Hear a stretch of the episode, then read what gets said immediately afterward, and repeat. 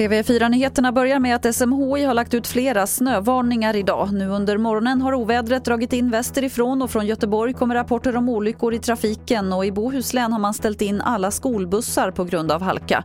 Värst väntas det sen bli i Västerbotten och Västernorrland där man klass 2-varnar och där kan det komma ett par decimeter snö och dessutom ska det blåsa rejält. Så till USA där ledande demokrater nu förbereder för att få president Donald Trump avsatt eller fälld i ett nytt riksrättsåtal efter upploppet i Kapitolium. Samtidigt pågår minst 25 utredningar om inhemsk terrorism efter upploppet och två personer har gripits. Stefan Borg rapporterar från USA. Där har man ju haft mycket hjälp av alla bilder som har florerat i sociala medier inte minst, där de som då nu misstänks för brott och intrång eh, och skadegörelse med mera eh, har visat upp sig väldigt tydligt. Så där har man ju bara haft egentligen i flera fall att bara åka och hämta de här misstänkta gärningsmännen.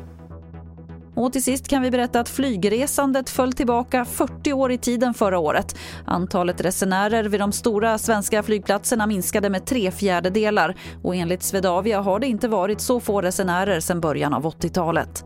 Det var det senaste från TV4 Nyheterna. Jag heter Lotta Wall.